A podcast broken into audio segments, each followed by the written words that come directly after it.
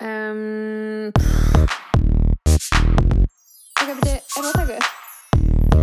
Ítt og takkan? Ég bara að glemma hvað ég ætla að segja. Uh, ég veit það ekki. En hvað voru að tala? Þannig að ítt og takkan. Ok, aðteglisbrestur. Á lokastíð.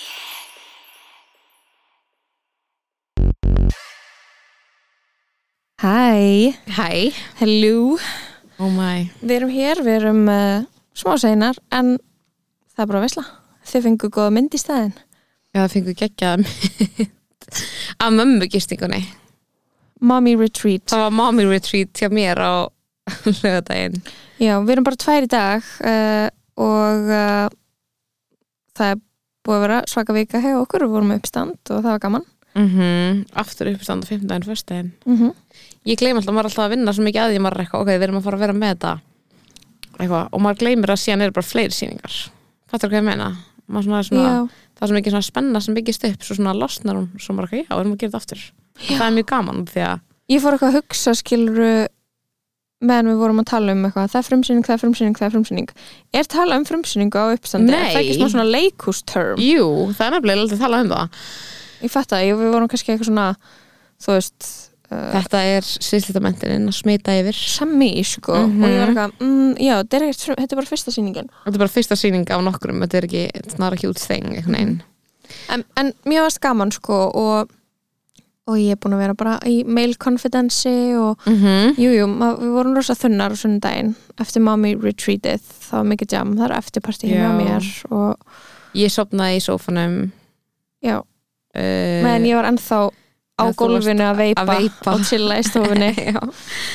Og bara iconic sko og hvernig Ég- svafstu í sófanum í mömmugistingunni sófanum sem ég sef oft í Sko, þetta er góð sófi sko En ég var alltaf bara eitthvað Ég var alltaf að vakna Ég einhvern veginn bý í vógunum Og það var svona opinn gluggi Það mm. var svona bílar að keira og ég var eitthvað What? Já, varstu að vakna við það. Já, það heyrist, það er svona eins og þegar, þegar maður sefur í sófanum, Já, ef maður lókar ekki í glugganum, já síðan lókaði ég bara glugganum þá sko er eins og maður uh, sé út á götu. mm -hmm. Það er mjög fyndið, sko.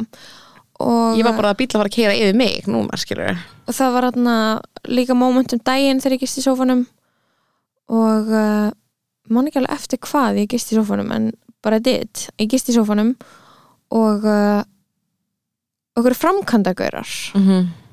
Í alvörinni, ég er bara svona, ég skil ekki ekkur er byrja alltaf á því hávarasta klukkan átta. Já, akkurri, Og akkurri geta þær ekki forgáðsrað út af, sko, út, af, út af þessu elementi að það er þessi tilfinning eins og við tala um það er Mhm. svo þessi inn í stofu mm -hmm. þeir eru bara að skera niður eitthvað steipu, bara Oh my brjóta God. eitthvað, eitthvað stein steipu og veggi eða eitthvað og bóra hávarasta, svo er ég farin á fætur Mm -hmm.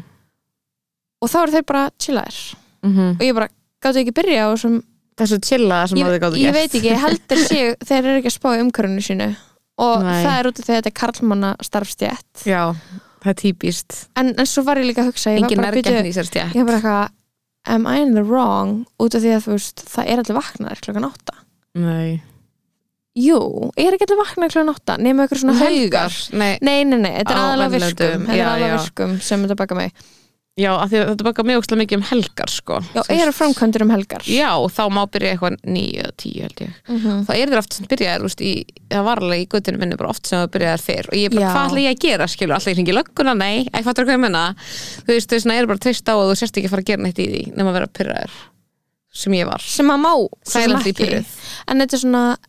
er manstu þegar Elisabeth Jökuls hún var að tala um þetta og þegar var að vera að sprengja bara við hlýna húsin hennar? Guð, og þetta er bara svona eitthvað dæmi sem er eitthvað svona við búum eitthvað staðar Mhm. og við búum ykkur borg og hún og kannski er eitthvað svona gata en hún er friðsæl. Mm en það hefur eitthvað alltaf ykkur rétt á því í nafni þess að vera einmitt að gera eitthvað, byggja eitthvað, eitthvað uppbyggingu laga eitthvað, stundum er þetta náttúrulega bara borgin, skilur við, bara eitthvað að laga göduna, fæn en það overrætar alltaf þinn rétt á að hafa frið, Já, minnst það svo já, áhugavert. við höldum að við búum í frjálsu samfélagi en við erum undir járnhæl framkvæmdamanna. Já. og þarna sem er já, eitthvað sem ég- gera eitthvað sem að maður vill að gerist en samt er maður bara eitthvað líka bara Já, en maður er samt einhvern veginn af hverju, þú veist, þetta er svo ógeðslega mikil háfaði og ég, þarna, ég hata háfaða, ógeðslega mikið. Mhm. hann alveg bara þetta er náttúrulega svo ógeðslega, þetta hefur svo mikil áhrif á sko sálarlífið, maður verður þessu trektur sko, Mhm, ef það er alltaf eitthvað læti. Þannig að ég er alveg svona komin á stað bara, ég var að fatta þetta því ég bý einhvern veginn ég lýður þess að ég búi í einhver útkverfi þú veist, þegar ég bý einhvern veginn í vógunum og það er bara svona, veist, fáir bílar sem keira og það er einhvern veginn garður æskilur, veist, og Mhm. tré á milli. Já, bara þögn í gödunni Þannig að bara þegar það er eitthvað svona þá er ég allt í henni bara eitthvað að þú skist einhvers annar staðar eitthvað sem er alveg við götti þá er ég bara, bara eitthvað freaking out sko. ég er orðin einhver svona típa sko. sem ég Já. fíla bara ég náttúrulega sko kem úr útkvarinu og flytt, flytt í bæinn og þú veist, mér finnst alveg bílaháfaði Já. pyrrandi mm en ég finn ekkert fyrir honum sko þegar ég loka klukkanum Nei, þetta er bara, þú veist, með eitthvað skilur Já, já, nákvæmlega. En annars bara, sko, ég hefði náttúrulega viljað að mommy, mommy retreat hefði verið lengra, sko. Ég bara þú svona þurftir að fara í vinnuna. Já, ég tók svona walk of shame. Langt sinni gert það. Lappa með eitthvað make-up gerdagsins Já. í gegnum miðbæinn. Bara eftir að hafa gist að sófanum hjá vinkunni þetta hefur raunin ekkert að gera með hvort um að vera eitthvað Að sofa hjá one stand, þetta hefur að gera með bara ég jammaður, ég er ógislu Já, já, 100% ég tók líka walk of shame á deg og fekk með beglu og kleinring og Mhm. kók. Og Geðveikt. hversu mikið þinguhags að fá sér poor man's offer á deg. Já, það var líka pakkað. Mhm. deg, deg er dót sem ég fór ekki á þegar ég bjóð hinum einu í Vesturbænum. Já, já, en já. núna er ég deg megin í Vesturbænum. Ekki lengur kom- kaffivest megin því miður. RIP uh, RIP myndirðu mín í melabúðinni Já, melabúðina, já, já, satt. Ég var alltaf- ég sko mm, ég elskaði að fara í melabúðina þunn og köpa mér eitthvað nammi og köpa mér eitthvað dót. Uh, já, ok, En- þú, þú jammaðir í fyrst skeitt svolítið langa tíma og hlaust mikinn skada Já, Beiðst- ég var bara hvað- hvað veik í segir tvo daga. Ég beið skada við beðið skafað af. Þú veist veikið tvo daga. Já, já, bara með, þú veist, bara með magapest. Ég held að það hafi verið út af því að ég var, þú veist, að vinna með bara þrjár tegundra nikotíni allt kvöldið. mm -hmm, Þú veist, ég var aldrei ekki Að veipa, einhvern, að veipa með lift í vörunni eða út í síkó. manstu hvað ég sagði við þig kvöld, Já, An- manstu þú sagði passaði að veipi ekki of mikið að vera illt, eitthvað, í- það líða illa. og til að ég veipa óksla oft óksla mikið og, og við vorum að of the show og þú varst först á veipinu og ég skil það út af því að sko, það er rosa auðvelt að festast í nikotíninu og ég hef gert það líka. Já, og það var ekki fyrir en að sko, þú um eitt byrjar að sitja á móti mér og við, við vorum báðar í þessum áfanna að ég fekk svona speklun og svo voru okkur báðum að liða illa. Þá, ég, þá fekk ég svona fekk ég svona, ok, við erum báðar þessu stektar að við erum ekki að fylgjast með. Já, hvað við erum að veipa mikið. Já, hva, og hvað okkur liður illa þannig ég var svona að passaði þig. Út af því að þú veist sko þegar ég jamma þegar ég, einmitt, þegar ég er drinking skilur Mhm. Þá einmitt, þá er það bara síkó þú veist það er bara svona alltaf næsta portion af nikotíni þú veist Þetta er, já. og þarna en þetta er bara gaman og ég veit ekki, price to pay skilur Sko, þú sagði tvent við mig, hann örlaðar eitthvað dag. oh my god, það rætti spæði og það rætti spæði hérna, þú sagði við mig í fyrsta lagi ekki veipa mikið þegar fyrir að líða illa.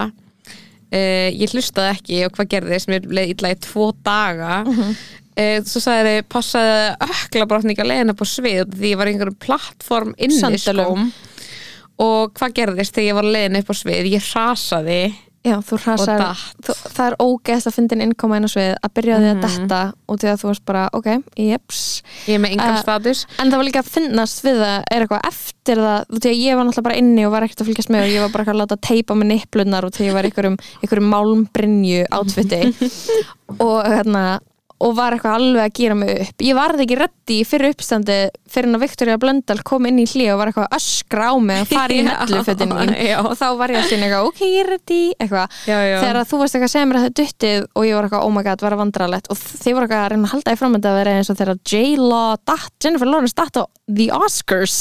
Ég var ekki að halda því fram, ég veit ekki hvað refið það er er eitthvað svona, Jennifer Lawrence leiðin upp á svið þegar hún fekk Óskarsverlun já, fyrir Silver, já, hún, það var allir bara, oh my god, makes her so lovable. Ok, það var þannig að mér. Ok. Lóa, það var þannig.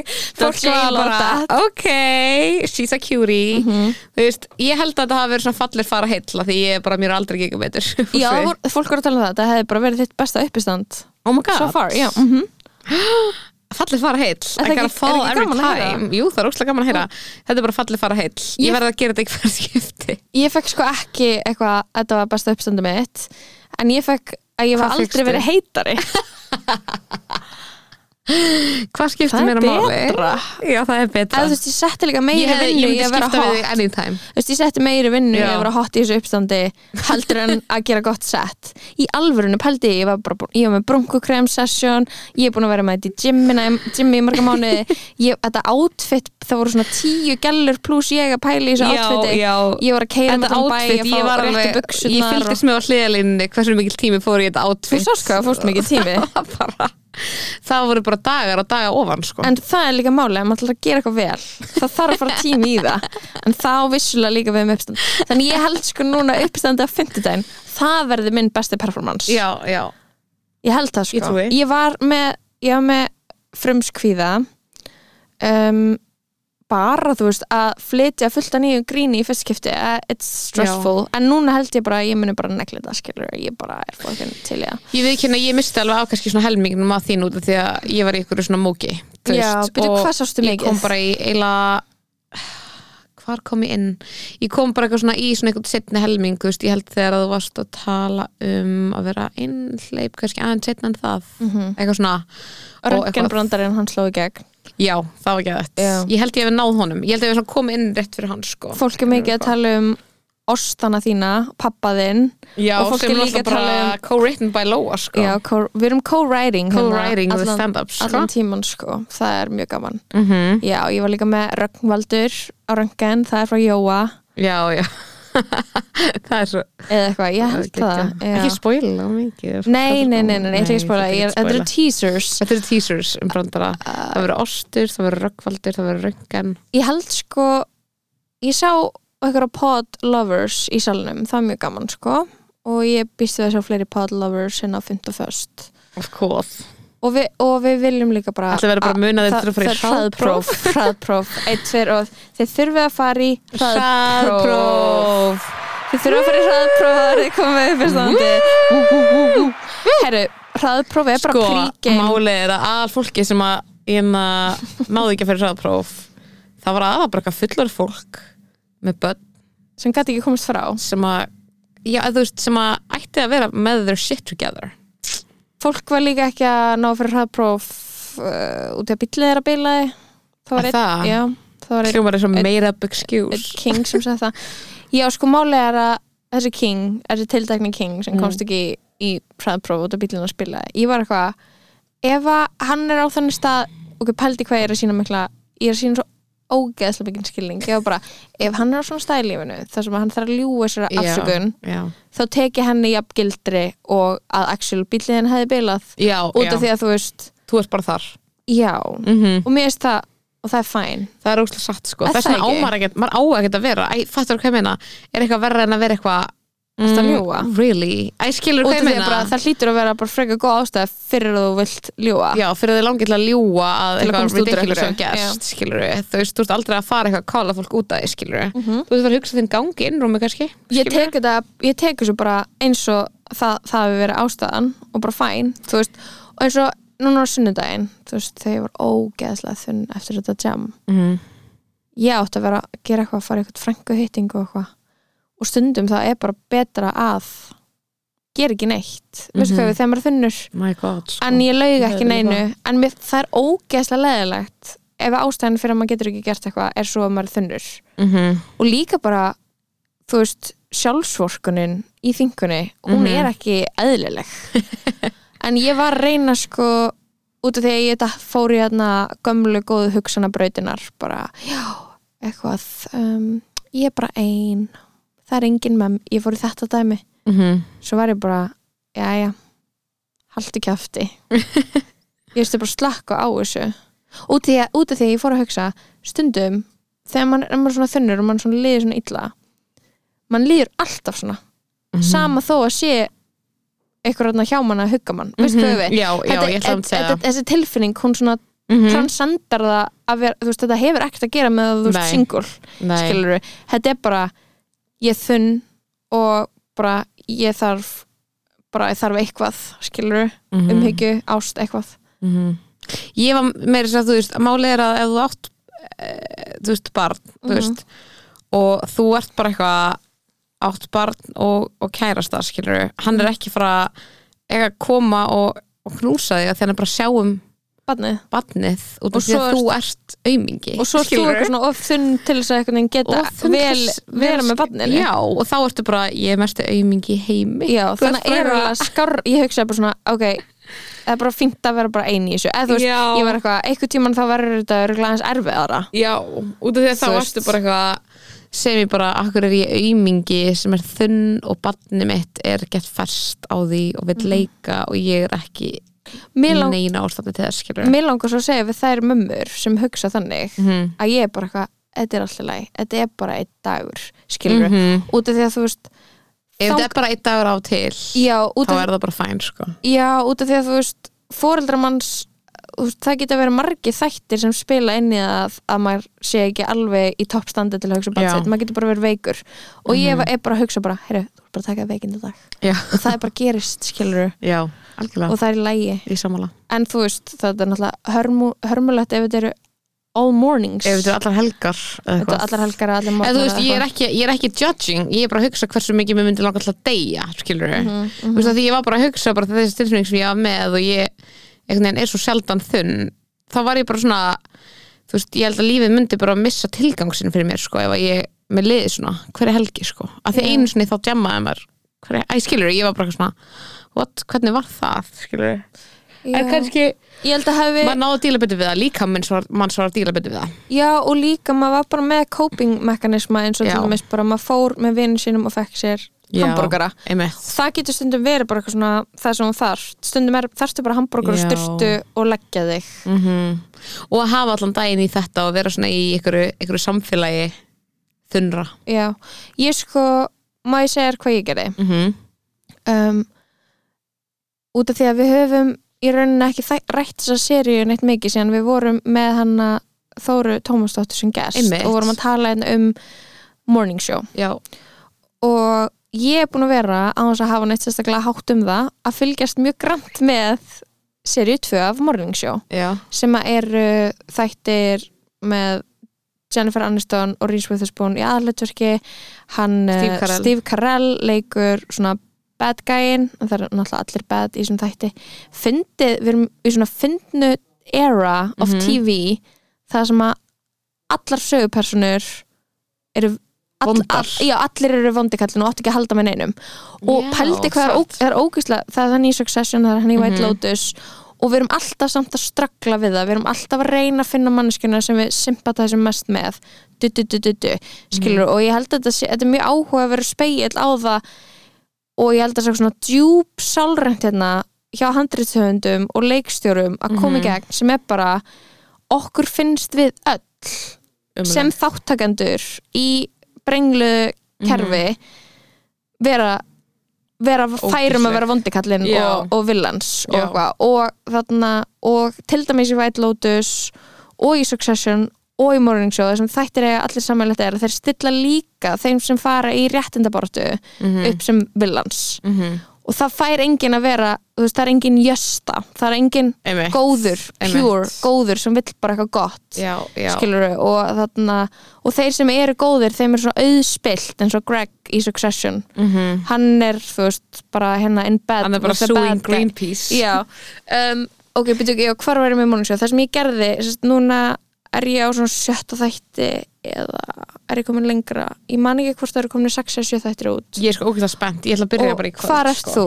Ert Ég er ekki horfa- byrjuð, þú ert ekki byrjuð á annar serju já, ég ætla að horfa í gær, svo var bara nýð þátturinn Succession, skilur Já, ok, ég horfði á, ég sopnaði yfir nýja Succession í gæri, ég byrjaði á hún svo óksla seint. En mér langar bara að segja um þessa serju að þarna, ef þið horfið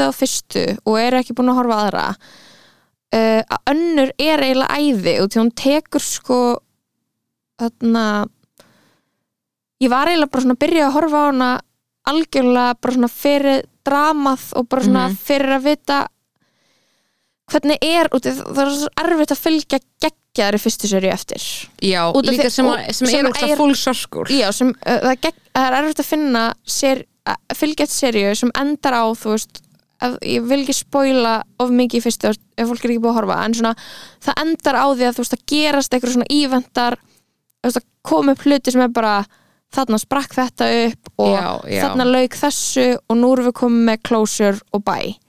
Einmitt. Og, og svo taka upp þráðin í annari og maður er eitthvað svona bara og út af vinsældum í rauninna því að fólk hugsa þetta bara út frá eða skilur þú hugsa örugglega sjálfnæst einhverja seríu og ert bara já, svo við aðra seríu. Eða skilur já, kannski ert alveg eitthvað svona jú, og þú ert alveg með henni í haustum að þér við getum síðan, þetta gæti síðan orðið þetta storyline eitthvað, en já, að, þú, þetta er alls ekki lélegt og er, þetta er ekkert við, þetta er eitthvað illa gert. En ég var búin að, það var bara rifjast upp fyrir mér, þú veist, menn ég var að horfa á sunnudaginn og þegar ég var alveg ógeislega invested í öllu dramanu og ég var bara eitthvað ógeislega þunn og var bara þetta var bara smá svona eins og að horfa á Grey's Anatomy mhm, svona kveikja og þú bara fara að gráta. Mhm. Og því að þú veist, það er eitthvað svona geðt mikið af tilfinningum en uh, ég var búin að gleyma að partur af þessu var eitthvað svona umræðan um sko hvað við um að gera við gerendur. Já, sem er eitthvað svona líka sem við erum að tala um núna.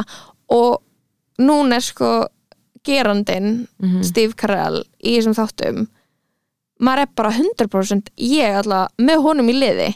Mhm, og þarna og veginn hvernig þetta er sett upp hvað er að gerast í þessari serju ég er rauninni maður er rauninni ekkert með eitthvað mikið samviskupið yfir því maður, Nei, nei. það er ekkert eitthvað svona konflikt í gangi yfir það lengur einhvern veginn Mm. en það út af því að sko allir karakterinni í seríunni hinnir eru ekki þar endilega með honum í liði já, já, já og eh, ok, ég ætla ekki að spoila meira en allavega þetta er geggjur serið núna og mér langaði bara einhvern veginn að segja ég er svona hálf trúið því ekki hvað Jennifer Aniston er ógeðslega góð að Mhm. leika þessa gellu. Mhm, og, hún er þarna- ótrúleg. og sko Reese Witherspoon vissulega er æði. Steve Carell geggjaður. Mhm, ég elska hann.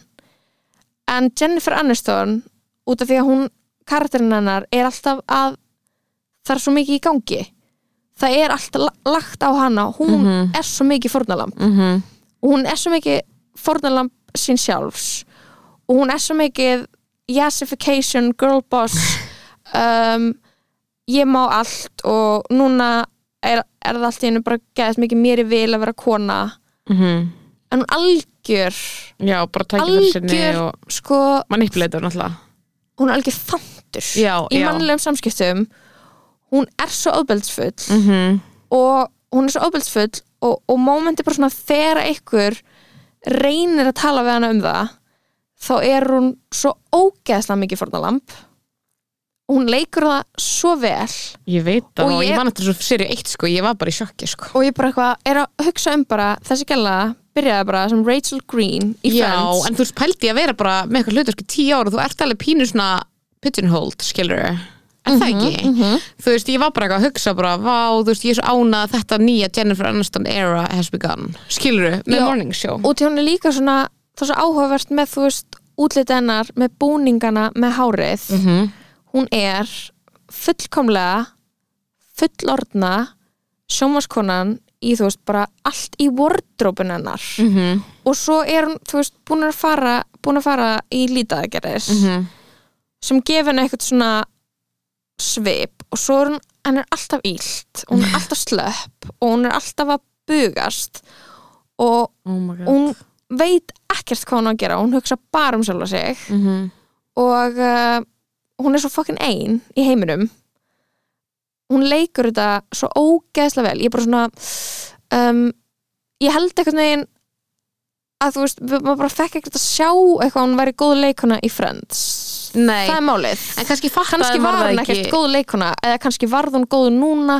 Ég held hún hafi verið góð leikur hún hafi bara verið ég held hún hafi verið við Bara hefum með- haldið að Rachel Green væri bara eins og hún er að skilur já, en hún hafi verið bara búið til karakter sem var bara gekk konsistent og hún gætt bara leikið ógislega lengi. Og þá er maður bara eitthvað fyrir að halda bara að, að þú veist maður fyrir að blanda saman leikarnum og já þau eru einhvern veginn allir í Friends eru einhvern veginn bara þau, finnst manni. En Já, er en bullshit. er það ekki þannig. Auðvitað eru þau bara búin að vera eitthvað búið til eitthvað karakter. Mér finnst líka svo óslega gaman að hugsa að hún sé þarna, þarna morning show uh, Alex Levy.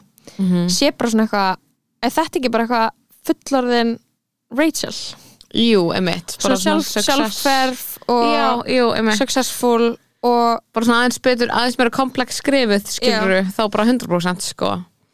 En ég er ógeðslega spennt að byrja á þessari andra seríu sko, að því ég var bara hvað en ég var einmitt, það er svo oft, það er svo líka verið talað um að komi önnur seríu White Lotus ég er bara hvað ætlaði að gera? hvernig, bara há, þú veist, þeir eru búin að binda þeir eru farin af hótelinu. Já, þeir eru búin að binda allan hnútana Já, eða líka bara eitthvað, þú veist, þá þurfa að vera nýjir karakterar til að þetta fólk getur ekki komið aftur á þetta hótel nema að sé eitthvað, fuck, þú veist what are you gonna do? já, já, emitt Þú þarft að en það er svo fyndið, þú veist, þegar að allt í einu eitthvað verið vinsælt þá, þá er svona viðbræðið alltaf bara meira, meira, meira og maður er eitthvað, ú, vonandi eru höfundarnir bara eitthvað, heyrðu, nei, þú veist ef að þeir eru ekki með eitthvað geðega pælingu, æ, skilur Já, það er svo típist að vera bara eitthvað já, þú veist, meira, viljið meira, ok þú veist, gerir það bara, en þetta er náttúrulega þarna Mike White, þú veist kannski er hann bara eitthvað, annarkort bara með einhverja pæl, en hann er náttúrulega svolítið svona einhver uh, one man creator af þessu, af þessu sjói, eða það ekki? Hann Jú. skrifaði og leikstir held ég. Það er alveg þarna, potið þetta að gera eitthvað skemmtilegt og þarna, mér Einmitt. langar bara að vita meira þú veist, mér langar, Mér bara bara meira, meira í frá honum, í þessum heimi, skiluru já, uh, já, og ég bara svona hugsa skiluru núna eitthvað í þriði séri, við erum á svo góðum TV times út af því að um, við erum eitthvað að gera miklu betri sjónvastætti heldur en bíómyndir. Mhm. Þannig séð uh, út af því að við fáum að vera inn í ykkur sögu óksla lengi og kynnast karakterum óksla vel. Reyndar var worst, pers worst, person in the world sem í uppáhaldsbíómyndu mín á þessu ári. Já, ekki ekki en ég er náttúrulega ekki, ég er eiginlega ekkert búin að vera að horfa mikið á það. Er náttúrulega ekkert mikið búin að koma út. Já, einmitt, ég er ekki búin að fara mikið í bíó ég er spennt að segja sko. House of Gucci. Ég er ógeðslega spennt að sjá hana. Adam Driver og Lady Gaga. Mhm. Við förum á hana saman. Það, held það það verður það verður er sko event. að deyja. Hjalti er að láta lífið það verður eitthvað svona event sko. verður bara Anna Ég veist, get ekki byggðið eftir að sjá hana. Ég er búin að horfa sko allt svona teaser trailers sem eru Taylor House? Gucci. Bara að sjá Lady Gaga vera með eitthvað ítalsk vera með eitthvað hreim að vera eitthvað I am Gucci as well. Hvað er, náttúrulega að segja eitthvað? I'm not a very eitthvað svona já, I'm not very fair. Eitthvað svona a, but, I'm, but I am fair Já. I'm not particularly oh, hvað er kvotið? ah. ok, sko, hann að spilum það bara ok, sko, það sem ég ætla að segja er hvað finnst þér so far um Succession eins og þessa seríu um, mér finnst þetta geðið serja mér finnst alltaf eins og sko þátturinn sem er í gangi næri mér alltaf einhvern veginn 100% yeah, I don't consider myself to be a particularly ethical person I but I am fair Já. ég get ekki gert það hreim I don't consider myself to be a very particularly ethical person og maður er eitthvað, ok Lady Gaga what you gonna do, hvað ætlar að gera í þessari mynd? Sko, það er eitthvað við konur það er eitthvað við þarna núna leikonunnar sem eru búin að fara í gett mikið plastic surgery. Þetta er eitthvað svona nýtt look new facial expressions sem að maður svona út af því að þú veist já, Við- bara Jennifer Coolidge skilur já út af því að við erum búin að vera skiluru að lifa tíma þar sem að konur stoppa á okkurum aldrei og byrja sér aftur sem Betty White gamlar Mhm. þú veist, við erum búin að vera þú veist, kvikmyndir hafa verið og TV hefur verið frátekið fyrir konur yngri en 30 35 en þannig að 40, 50, 60 þegar þær eru ennþá sko að reyna að vera heitar og eru búin að fara í fullt að lítið aðgjörum það Já. breytir andlitinu svo ógeðslega mikið þetta er svona, að- þá maður er að vennjast þessu og líka bara fatta skiluru um, þú veist, þegar þetta virkar sem look þegar þetta á að já. vera svona þegar þetta Mhm. passa við karakterin, að ég fattar eitthvað við á að ekki karakterinn hennar Lady Gaga að hafa farið í veist, Lady hún- Gaga hefur ekki farið í svona surgery sem það, uh, hefur hún farið í? Jú, þessi stella, já, já, já, já. Eins og. Lady, Lady Gaga í Star is Born er alveg sprautuð, skilur við ok, ok. En þú veist, það eru bara flestar leikunur búin að fara í eitthvað. Emmett, ég er bara að Er það hugsa. ekki, en ok, já, ég er bara eitthvað að hugsa um, um að við erum að lifa eitthvað svona tíma sem þessar konur eru að fá geðið hlutverk og uh, visibility. Um, en já, þessi seria af Succession hún er svona þú veist, mér finnst hún geðveik. Mm en þetta er líka svona já, mér finnst maður meira bara að inn í ykkur ástandi. Ég, ég er akkurat núna í seríunni veit ég ekkert hvað er að fara að gerast Nei. og er ekki að búast einhvern veginn við neinu, það var svo ógislega mikið tension í lokinu annar seríu þar sem maður er eitthvað þar sem hann er eitthvað að velja næsta þú veist hann, það, hann er eitthvað með beituna fyrir framann öll börninum og líka starfsfólki fyrirtækinu hver getur tekið við á honum? Sko, ég er svo spennt að sjá nýjasta þáttin líka sko. en en, um, enda en þessi þáttur á okkur um cliffhanger sem var, ég er ekki búin að klára hann. Nei, það er einmitt bara svona alltaf þetta emotional bara, þú ert að hugsa bara þessi börn hans, skilur bara hvað mikið er þau til í að þú veist hverju er þau til í að taka, skilur þú veist, frá sem ofbeldsmanni já, bara svona eins og núna er Shiv, skilur ég er bara eitthvað, ég fann að hata hana. Já auðvitað. Ég hef að hata, ég hef alls ekki alltaf hata hana. Nei, en málið er að maður er alltaf að fara á milli, veist, það er það sem er svo mikið snilt. Er bara að maður er eitthvað, ok, hann er ógeð hún, veist, bara, hann er óþólandi, hún er óþólandi að því að hún er bara at this point að vera svo mikil hræstnari og Já. svo pyrrandi, skilur og bara umulega við alla í lífinu sinu bara til þess að reyna að fá samþykki frá pappa sem er drullum hana, skilur Uh, og hún er bara til að taka hverju sem er frá honum en í rauninni bara að beita alla ofbeldi í kringu sig, skilur Mhm. þú veist, hún er bara við Tom og eitthvað, skilur maður er bara okkur er að hún með. Tom, minnst hún ætti að hætta með Tom. Ég nenni ekki að hafa þau lengur saman. Ég, En- það er fullkomin fyrir söguna það er En náttúrulega ég fullkom fyrir söguna. enga ást. Nei það er engin ást en þú veist, hvað hann að gera? Hætta með honum rétt hann hann er að fara í fangilsi Já. fyrir eitthvað sem papp nei og þegar þá myndi hann bara þú veist, eina sem er að halda honum uh, loyal er konan hans skilur Já. hann gæti bara farið, fengið sjálfur immunity og komið Logan í fangilsi skilur en að því hann er með þetta loyalty en það sem maður er að fatta í þessari seríu er að þú veist they don't have a really strong case. Að það er það sem að lögfræðingurinn hans kendal Já, að segja. já, já. Að, það er ekki jú, nema endilega- hann myndi koma. Ef Tom myndi koma að þið verði með það hann Já. er með the evidence sko. Já, þeir eru bara með of marga á sinni hlið. Ég held að ég var alltaf að skilja þenni að Greg hefði látið Kendall fá alla, alla pappirinn hans Tom.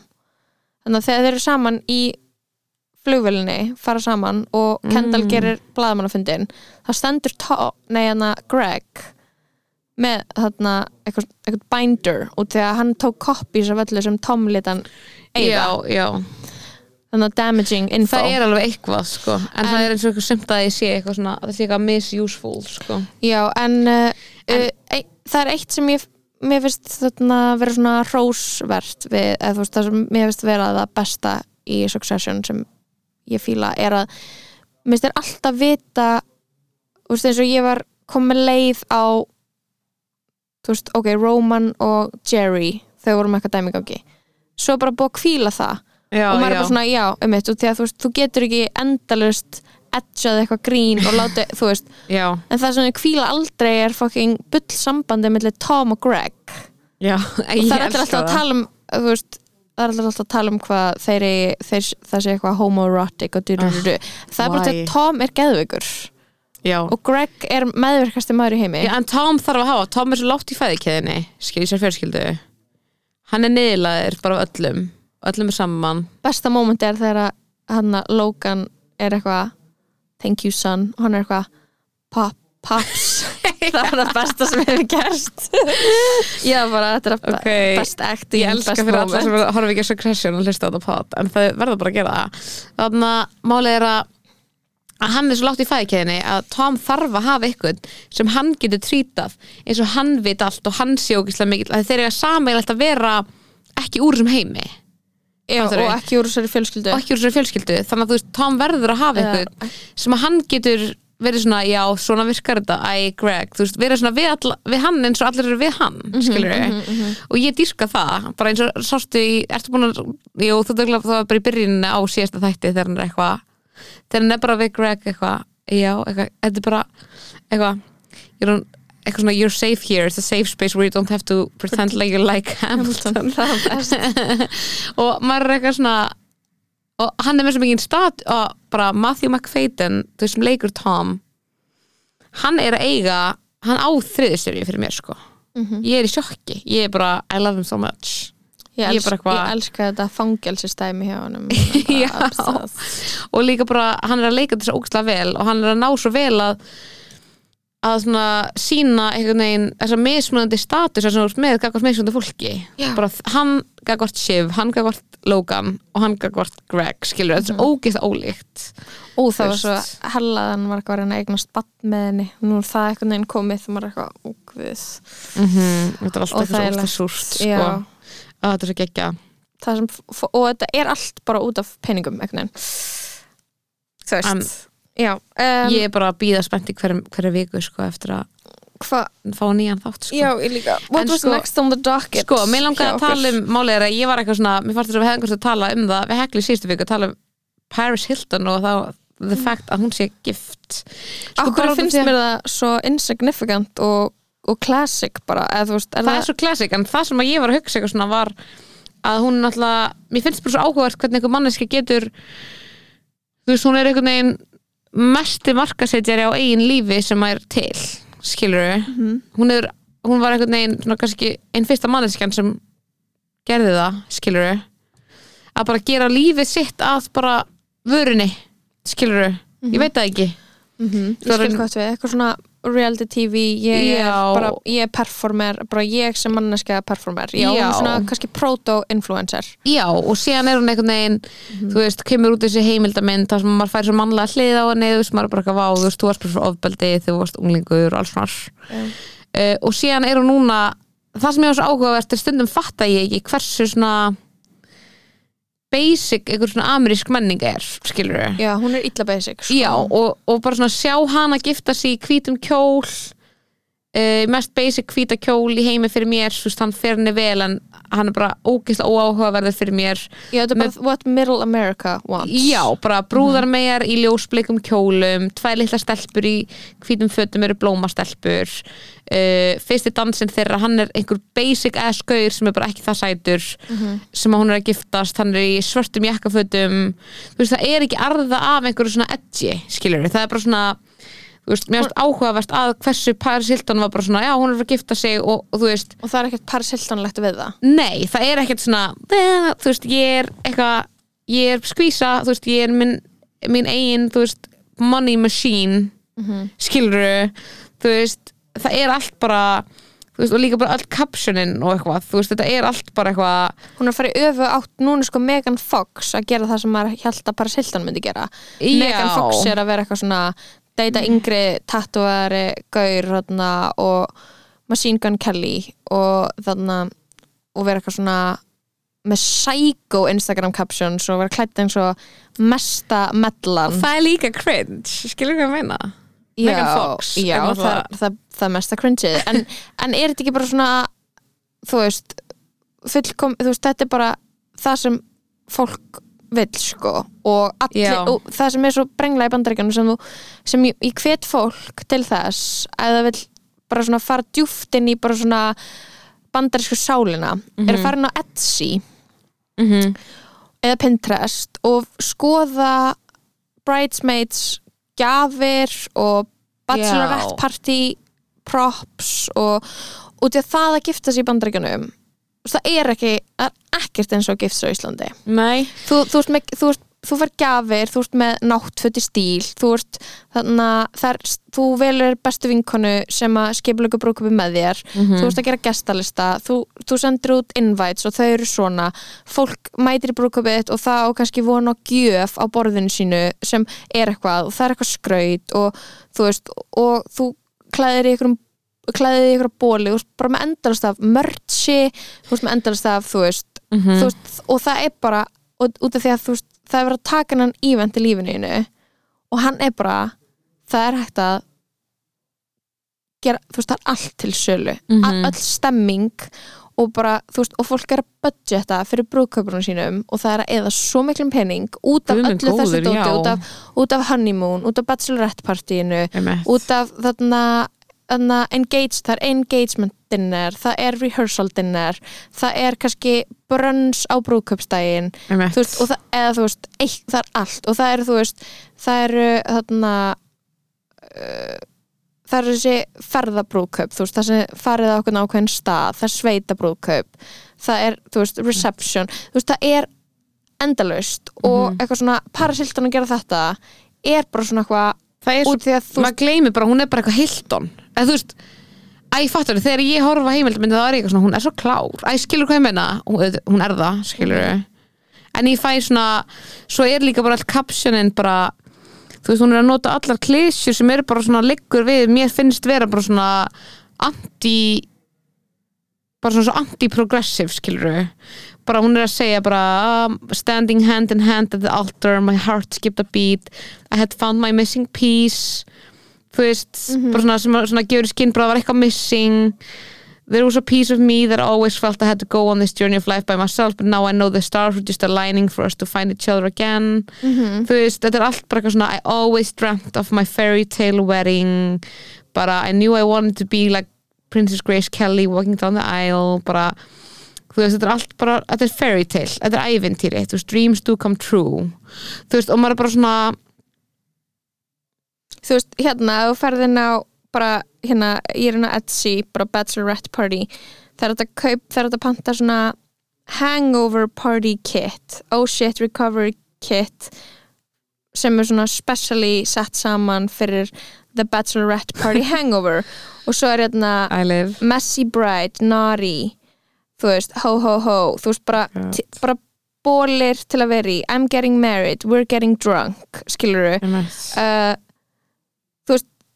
og allt þetta dæmi með að vera með rör sem eru lítil teppi og bride, og bride tribe þú veist, veri, veri slopp sem stendur á bride squad Já. þetta er bara svona veist, og, og allt snýst um brúðina mér er svo áhugavert, allt snýst um einhvern veginn brúðurinn þetta er hennar hennar er, er dagur. dagur og sko. þú veist, alla myndirnar á Instagramina Paris eru sko eiginlega liggur við í þetta leita andliti brúðgumans alla myndirnar eru bara þú sjónarhóttni er bara hún hann eitthvað að fara með það váð skiluru og myndavélunar á henni Mhm. og þú veist það er einhver þáttur sem var með allir þessi fútið sér skilur sem er eitthvað Paris in Love þú veist þetta er bara svona þetta, þetta, er svo, þetta er svo djúft hérna í þessu bara þitt, þarna, þinn stærsti ívent í lífinu er að giftast manni mm og þarna og bara þú ert making the most of it og ert að halda upp á það -hmm. og uh, það er bara það, eða skilur það er Mhm. bara svona,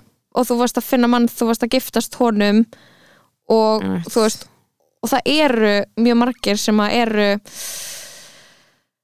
þú veist, gifta sig og eru síðan heima já, þú veist, og já, allt, já. allt þetta dæmi skilur að þá ertu komið hlutverk Mm og fram að því Það var varstu bara eitthvað já, og það, það steikt að hugsa um það út af því að Mhm. máli með að þú veist að við getum progressað og breytt hlutunum og þú veist getur, það getur verið eitthvað demokrata fórseti en ég veit ekki hvort að konur á Íslandi fatti nákvæmlega hversu mikið þetta er aðal dæmið Mhm. og, og ég veit ekki, þú veist, og maður er eitthvað er það, þú veist, það er fucked up, skilur Mhm. en þarna það er bara samt einhvern veginn ennþá Mhm. algjörlega og uh, já, ég veit ekki, svona ég tengi svo ógeðslega lítið við þetta. Ég man alveg, þú veist, mann langar að giftast og maður er lítill og maður er eitthvað, já, maður langar í brúðakjól en, Mhm.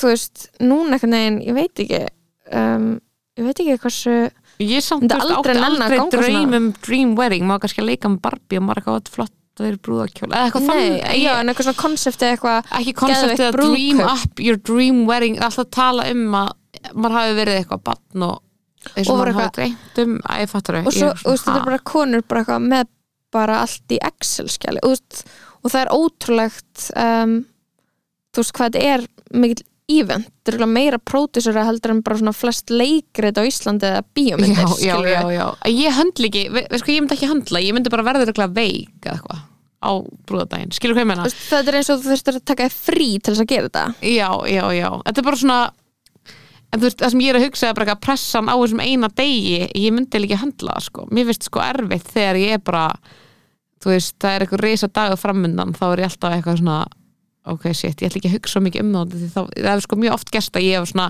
þegar ég var með svona kvíða þegar ég var unglingur þá, hérna, það varði ég lasin. Ef ég var búið eitthvað Mhm. stórt partí eða ég var að fara að halda eitthvað sjálf þá var ég bara veik the day off sko. Mhm. það myndi gerast ef ég var að halda eitthvað miljóna brúðkaup. Já, mér finnst erfitt skilur að halda bara basic party með tíu manns heimi á mér.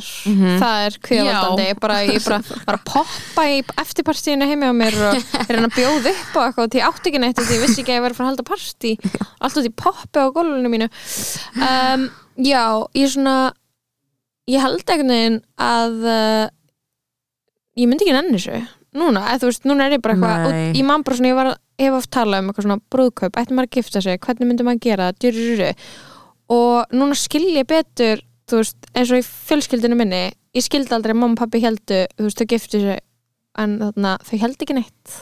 Það var bara svona kaffibóð og þau Já. voru í gallabuxum Æ, og ég, og ég var eitthvað svona ég ég var eitthvað svona, oh my god, það er svo boring. Og var gett abbo út í þá sem áttu þú veist mynda mömmu sinni í brúðakjól já, já, ég á enga mynda mömmu minni í einhvern hvítum brúðakjól já, og kannski er það bara eitthvað svona ég að vera að breytast í mömmina en ég fæ bara svona, vá, ég ég veit ekki hvort ég vilji þessa aðtegli í þessu samhengi. Já. Lói kom með mann og núna er hún í hvítum kjól. Ég er bara svona, ég veit ekki hvort ég bondi ekki neitt við það. En mér er stókslega gaman að mæta í svona brúðkaup sko, sem einhver annar planar. Já, ég bara veit ekki hvort ég myndi myself. sjálf. Já, ég veit ekki hvort ég myndi höndla. En kannski ef það væri bara gett langa tími og ég geti bara svona outsourca öllu skilur það væri bara svona þessi manneskir að sjá um matinn sem ég borga fyrir að gera. En það er óslega dýrst skilur ég veit bara svona eitthvað pældi að vera bara eitthvað með pældi bara eitthvað að vera að sapna þér fyrir brúðköpi já, ég þú veist, get ekki einu sem sapna mér fyrir Úlpu. þú veist, þannig að ég er bara þú veist, það er ekki bara að gerast. Þess, ég hef aldrei sapnað mér fyrir neinu þú veist, ég bara veit að, þú veist, ég veit að ég á ég er með húsnæðislán en ég sapna, þú veist, það er bara bara kærasti minn sem er ekki giftið mér að vegum batt saman, Þú veist, sem er ég, líka heimskuleg pæling skilur eitthvað. Ég er sko, það sem ég er að obsessa yfir veist, ég núna er bara ekki með the organizational skills skilur byrja að ég hátilifum, ándjóks það sem ég er að obsessa yfir núna er að fólki á TikTok sem er að budgeta 5 dólarar í Christmas Gifts Fund 5 dólarar í, ég horfi endalst á þessi TikTok af konum með þetta? konur sem er, og ég bara, mér finnst þetta psycho og ég fæ bara, nei þeir eru að gera lífið leiðilegt. Já, þau eru að vera úslega sniðu en þetta er úslega leiðilegt. Þau eru bara með öll launin sín og svo flokkaðu þau þau setja þetta í þennan reikning að spara fyrir þessu. Mhm. spara fyrir veist, en þetta er það sem ég held maður eigi að gera með peninga Mhm. en samt svo fucking leiðilegt Mhm. það er bara að vera að velja hérna þetta fyrir, uh, þetta, þetta fyrir uh, hérna er eitthvað emergency fund það er eitthvað svona like, veist, medical Mhm. og þú veist, safna fyrir tölvu safna fyrir bro my brother's wedding, my sister's wedding. Mhm. því að gestir þurfa líka þú veist, ef ykkur fjölskylduninn þinni var að fara að gifta þig, þú væri í bandaríkjum og litla sýstin var að fara að gifta þig, þú þurftir að safna fyrir þig líka, já. því að þú þurftir þú veist, þú ert það að fara í bachelor party þú ert að gefa henni gjöf, þú ert að gefa henni brúðkaupsgjöf en það er að verða þannig á Íslandi líka skilur Já, er- þú veist, þú ferði í gæsun þú ert að borga tíu skall já, og það er auðvitað ódýr gæsun. Það er ótið gæsun sko, já, 100% það er svona gæsun on a budget skilur já, já, já, já, bara það er gæsun sem ég er veist, það er bara eitthvað tíu skall og maður er eitthvað ok, þú veist, en það eru margar dýrari þú sem maður sér bara á Instagram, það sem maður bara íventar allan daginn skilur, þetta er eitthvað svona einhverjar nokkra sniðu að stelpur að, sem eru búin að fá eitthvað tilbúð og að fara í spa þarna og fara í þetta er all fun and games að þú lendur á árunni þar sem allar vinkonina gifta þig. Oh og god. ég örugglega bara að vera gælt fyrir þetta. Já, þú veist, þetta er, en þetta er alltaf að verða meira og meira, sko, þú veist, það er bara eitthvað þetta er bara svona eins og þegar bad, bad fæðist. Einu sinni þá var bara með svona gjöf sem að kom með í fyrstu heimsóknuna já, já, og svo skýrnagjöf mm núna er það eitthvað baby shower, babysar gjöf. Þegar barnið fæðist. Skýr, skýrnar og amalis það þarf ég er svona alltaf að vera gett grand já ég er bara svona að vera smá casual með þetta mm já, en þú veist, ég bara ef að það er eitthvað tíma aðstæður þar sem ég bara eitthvað, ó, get til ég haldi eitthvað brúðkaup þá myndi ég alveg gera það en ég myndi einhvern veginn ekki, að ég veit ekki þú veist. Já, mér finnst næst, þú veist, þau brúðkaup sem ég hef verið að fara í einhvern veginn síðust ár hafa bara verið mér svona það sem ég er eitthvað, þetta er doable skilur, þetta er gett bara beautiful þú veist, bara eitthvað, ég fyrir brúðkaup í sömar bara eitthvað 50 manns og bara gett cute skilur og svona eiginlega allt einhverju svona kannski einhverjir þú veist já, bara félagsheimili þú veist, ball skilur og búið að gera eitthvað svona vinnu skiptidíl með, þú veist, matinn og eitthvað þannig, skilur Já. Mhm. að ég fattur bara svona eitthvað snutt þá var ég, ok, þetta er alveg eitthvað svona álag sem ég mynd meika, en samt ókslega mikið álag þú veist, maður sá samt alveg að veist, þetta hefði verið ókslega mikil undirbúningur Mhm. og ég er bara svona, Já, sama hversu einfalt það er sé ekki fyrir mér hvenar, ég er núna að hugsa um bara hvernig á ég, ég haldi upp á ammæli mitt og mér er það svona yfir þegar mann er bara svona flókin pæling Mhm. Bara Sagittarius season er komið, Mhm. þú stjörnusbyggi Lover. lover. Ég- þá er mitt season að byrjað, bóðamann season. Og þess vegna var ég í gær þunn að vinna og hugsa nei, fyr, í fyrir dag Já. hugsa, ég þarf að breyta lífinu mínu. Þú veist, ég Já. get ekki verið að vinna svona fokkin mikið þannig ég get ekki eins og tekið þingudag. En það er líka áramót og áramót þarna, þá má maður endur skipulega lífið sitt. Já, it's happening sko. og ég er alltaf líka að gera það. Já. og ég þarna, mail confidence og þarna og bara follow, manifesta. follow a Fortuna Invest. Follow Fortuna Invest. Að tala um Follow Fortuna Fortuna Invest. Vá, já, ég tók eitthvað snappi við Fortuna Invest í gær. Út af því að þau, þú veist, þær þetta eru hérna eitthvað fjárfestinga eitthvað, þetta er svona að vera að hvetja konur til þess að taka þátt í fjárfestingum og bara sem konur ég er alveg, ég var alveg lifi, um dag ég var að pælja fjárfæsta svo fatt að ég átti enga pening og ég Sko- spara neitt þannig ég get ekki gert það. Invest, vettfangur sem heitir aðgengilega fræðslu um veist, þetta er ekkert eitthvað fyrir konur en það eru eiginlega bara konur að þetta. Kannski er þetta bara, jú, þetta eru konur. Þetta eru, Þetta eru bara þetta eru konur. í, í hana, fyrir í forsvari fyrir þetta. Og já, þetta er, þetta er áhugaverð sko. konur eiga minni pening það er uh, fjárfesta minna og peningar þeir, þeirra sóast inn í heimilið og gjafir Mhm, og mat og, og huggulegheit með vinum og það er að gera vel við ættinga sinna, sorry þetta er Mhm. bara, og þeir eru þú veist, þú veist, það er verið að tala um að það sé ekki áhættusæknar og durru og eitthvað svona, já, en þú ert líka hvað hva áhættu að taka þú veist, áhættu með peningin sem fer í að feed your kids skilur, Já, eða þú veist, já. ég veit ekki og ég veit, já, auðvitað er eitthvað konur sem hefur pening, en já, ég tók snapp yfir þessu gær yfir þessu hérna, hérna þetta er eitthvað svona Instagram hérna, Já. dæmi, svona infogram sem stendur, Mhm. ég í skóla hvernig tek ég lán? Og svo skólinn höldum áfram með gíslasögu súrsunar og málega bara að ég var hérna í gær í nákvæmlega þessu húsi sem við erum í að randum þetta og félagi minn frammi segir já en í grunnatriðum þá eru samt fólk finnst, það finnst þetta óksla mörgum. Og ég, var, ég hugsaði það um líka.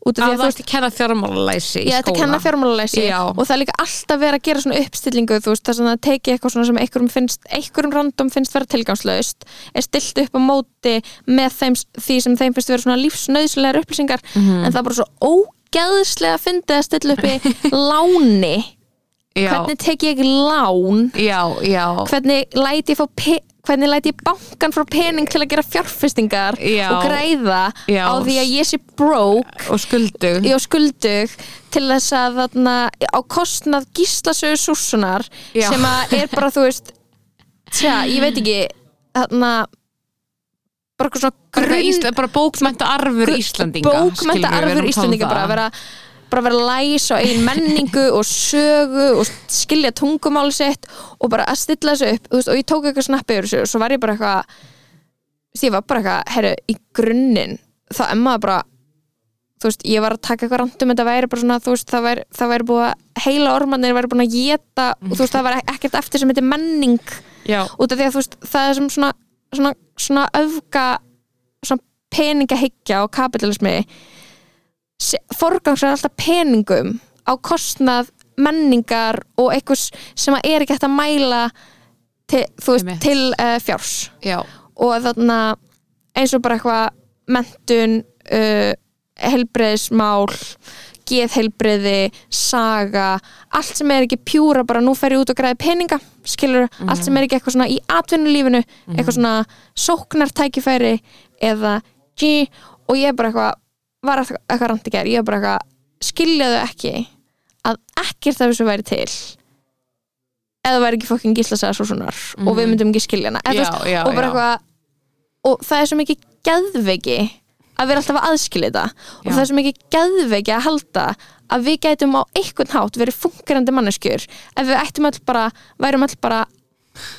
að spá í peningum alltaf. Já, og það væri alltaf það eina sem við myndum hugsa um. Mhm. það er semmi það seinasta sem við ættum að hugsa um. Já.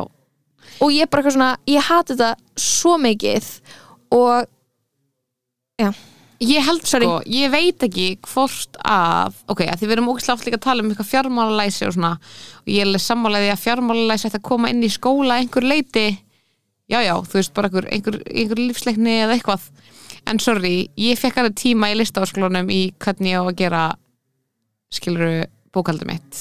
Og já, if you're not gonna get it, you're not gonna get it. Skilur hvað ég meina? Veist, mér líður ekki eins og ég væri neitt betri í fjármálum ef ég hefði fengið fjármálalæsi tíma. Ég held að þeir sem að væru að ég fattar hvað ég meina, ég svona, mér líður þetta sé bara svona eins og eitthvað svona starffræði þar sem ég bara svona hefði ekkit endla að tekið þetta inn anyway, skilur já og líka bara, þú veist uh, og það, mynd, ég myndi samt bara vera fólk myndi samt bara vera fátækt skilur, það mjög- það er bara kerfið sem við erum í. Já, þú veist, við- það er bara mjög mikið þarna þú veist, stjætt, það er bara stjætta bara að uh, fólk sé í fyrsta lagi á nógu góðum launum og það sé nógu góðu leigumarkar hérna, til þess að fólk eigi eitthvað afgang og mánaðamót skilur og það Já. hefur ekkert, það hefur minna með, það hefur eitthvað með eðslu að gera og hvernig maður eigði peningunum sínum. Mhm, það hefur líka bara mjög mikið að gera með bara hvað hlutir hérna kosta. Mhm, og ég er bara svona um, eitt þú veist uh, sem núna er verið að mynda ríkistjórn og það er verið að ákveða hver fær hvað ráðuneti mhm. og það sem stjálfslæðismenn er alltaf að tala um er alltaf að tala um ríkisrekstur og skera neyri ríkisrekstri. Og þetta er allt feik peningar Mhm, og ríkið getur eitt bara nákvæmlega eins mikið að þau vilja mhm, út af því að þau er ekkert bara að nota skattana okkar þau eru líka bara að nota eitthvað ímyndaðan pening mhm. í tölvu sem er ekki til til þess að borga fyrir eitthvað skilur mig já, já. og þannig að og þú veist það að eitthvað svona að vera að tala um að vilja minka eitthvað svona útgjöld ríkisins og tala um að skera neyri heilbríðiskerfinu og hagraða í kostnaðu og eitthvað dyruru þetta er bara eitthvað, nei þú vilt bara eitthvað annar þú vilt bara láta fólk borga fyrir þetta já. Út af því að ríkið getur bara eitt öllu sem þið vilja. Mhm, að þú veist, já, Já. út af því að já, ok, bla bla bla ég er að tala um eitthvað sem ég veit ekki nóg mikið um en þetta er allt fake peningar. Er þetta eftir að þú varst að taka viðtal Já, við ég var að Gaurin tala um krypto? já, nei, ekki bara þá heldur líka bara þegar í fyrra þegar við vorum að tala við Alla Þór Fandal um þegar það var innan COVID í gangi og var að tala um skiluru uh, bjarga fyrirtækjum, bjarga heimilum dyrru og þarna og þú veist, sjálfstæðsflokkurinn tala alltaf um þungan róður og Mhm. eitthvað. En uh, við basically eigum endalsta pening sem við getum notað í allt og þetta er allt fake peningar skilur við Mhm. um, já, eða þú veist þetta, það er bara svo, fyndið að segja þetta bara og þú viljir ekki að þarna, þú vilt bara ekki að ríki sjá um þetta yfir höfuð, punktur. Já, emitt Það er bara eitthvað veist þennan, ákvörðin, já, þetta er bara Og einhver þú veist, ákvörðum skilurðu- hver á borga Málið er að ég svona liggur við eins og með þetta fjármálalæsi dæmi Mhm. Ok, bara svona disclaimer ég veit að það er mikilvægt að fjármálalæsi örugglega hjálpa einhverjum skiluru að bara eitthvað fatta betur hvað þau eru að gera þeir eru að taka lán og blerli skiluru Mhm. en ég svona liggur við að móti því að við eigum að efla fjármálalæsi þegar mér finnst það bara að vera enn eitt hluturinn sem að þú veist, er notaðir bara til þess að kenna fólki um að það getur sjálfur sér um kent mm ef að það á ekki pening. Á ekki pening. Þú veist, mér finnst þetta bara svona enn eitt hluturinn sem bara á einhvern veginn að vera þinni persónulegu ábyrgð. Bara svona eins og þú eigir bara eitthvað að minga þitt persónulega kólinisfótspor og þú átt bara að vera með betra fjármálalæsi af því þá verður ekki svona skuldur. Ég er bara svona, sorry, þú veist, ég hef aldrei tekið einu svona yfirdrátt, sko, æfinni Mhm. og ég er, þú veist, skulda marga miljónir út af því að hvernig átti ég, þú veist ég er bara smá bara eitthvað svona af hverju áttum maður að taka, skilur bara eins og vorum að tala um, bara það að vera eitthvað kona og móðir og eitthvað skilur Mhm, það er ekkert þú veist það er, er ekkert eitthvað svigrum til þess að ég hefði sparað mér nóg til þess að fara í lista ásklan fyrir marga miljónir það var bara það sem ég var að fara að gera Mhm. skilur Mhm. það er bara svona sem ég finnst að bara pirrandi að vera bara eitthvað þú veist, þú, þú tekur tekur lán frá framtíðar þér skilur við mm -hmm. þú, og þú ferði í nám og þú mentaði og það er fjárfesting í þér og það er, þú veist, já. Ok, sko e, og svo bara eitthvað skipta eitthvað nokkra miljónir máli upp á hvort þú getur keft íbúð með svona miklu láni eða svona hái láni þú veist þetta konsept að sapna sér fyrir hlutum og eiga efna þeim við erum ekki í samfélagi sem rekna með því. Við erum í samfélagi sem rekna með því að þú takir lán einmitt. Og Nákvæmlega. borgir setna og eigir efni á afborgunum skilur við og það má ekkert óvænt koma upp á.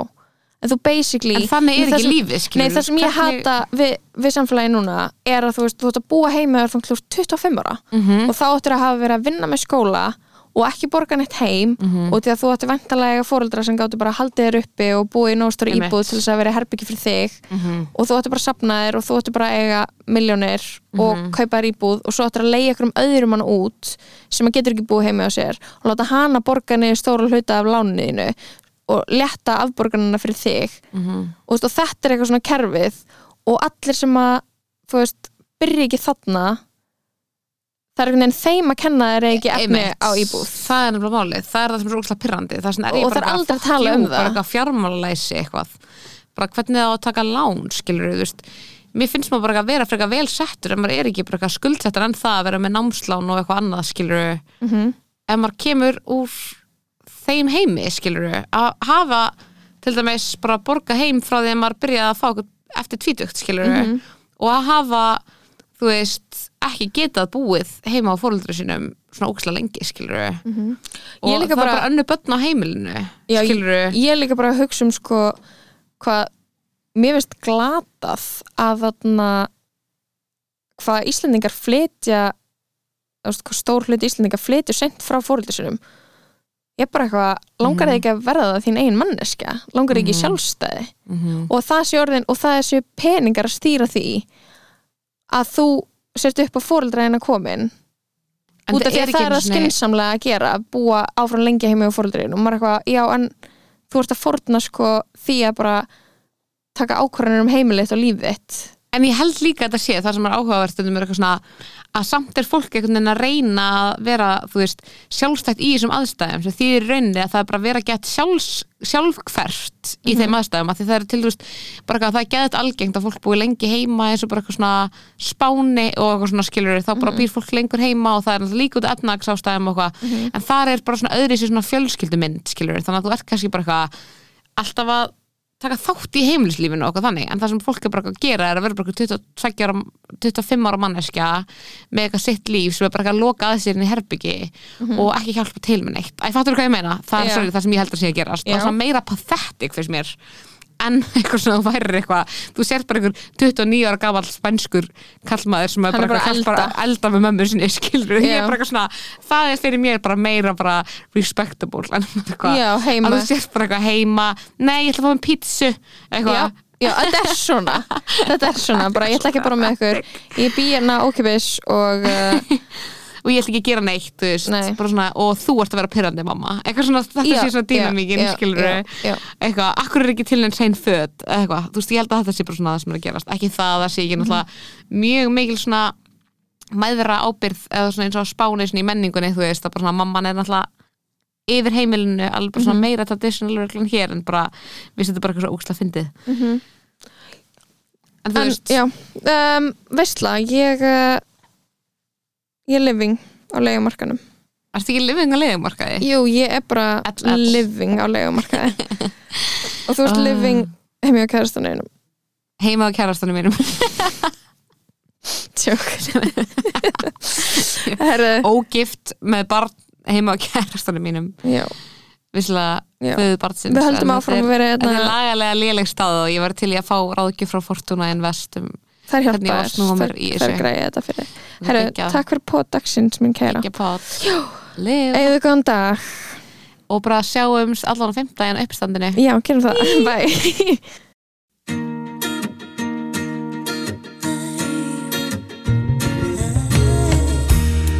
There is freedom within. There is freedom without. Trying to catch the days in a paper cup. There's battle ahead. Many battles are lost, but you never see the end of the road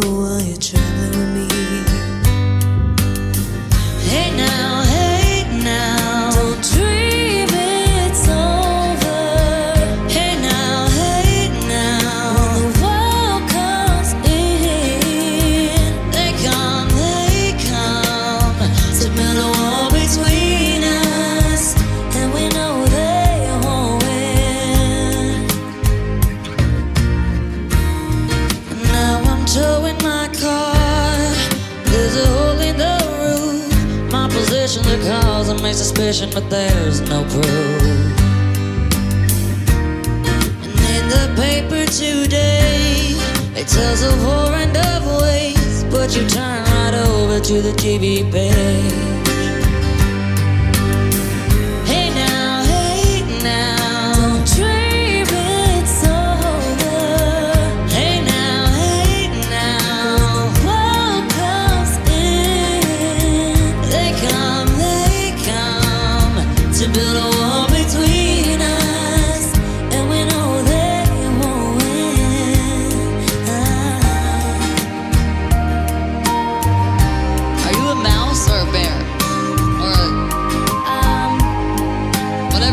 all the cutest mouse bear thing.